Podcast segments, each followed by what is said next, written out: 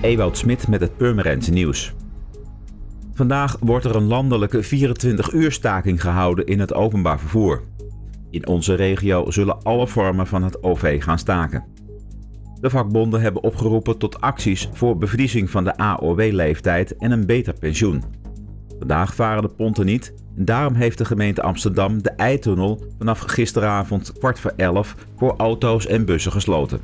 Alleen fietsen en nooddiensten kunnen dan door de tunnel. Het gevolg is dat eventueel nog wel rijdende EBS-bussen dan niet naar het Centraal Station rijden, maar niet verder kunnen dan Amsterdam-Noord. De PvdA is bij de Europese verkiezingen ook in Purmerend de grootste partij geworden. De Sociaal-Democraten krijgen 20,7% van de stemmen en zagen hun aanhang verdubbelen ten opzichte van vijf jaar geleden. Bij de verkiezingen van 2014 en 2009 was de PVV nog ruimschoots de grootste. Nieuwkomer Forum voor Democratie volgt met 17,8% op enige afstand als tweede.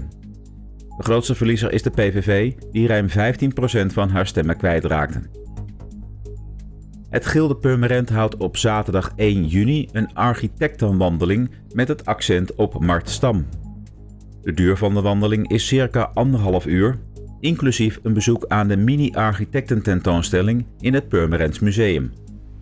Iedere deelnemer ontvangt gratis een boekje over Mart Stam.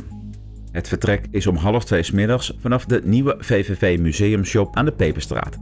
En na afloop is er gratis koffie of thee en de kosten bedragen 3,5 euro per persoon. Voor meer nieuws, kijk of luister je natuurlijk naar RTV Purmerend, volg je onze socials of ga je naar rtvpurmerend.nl.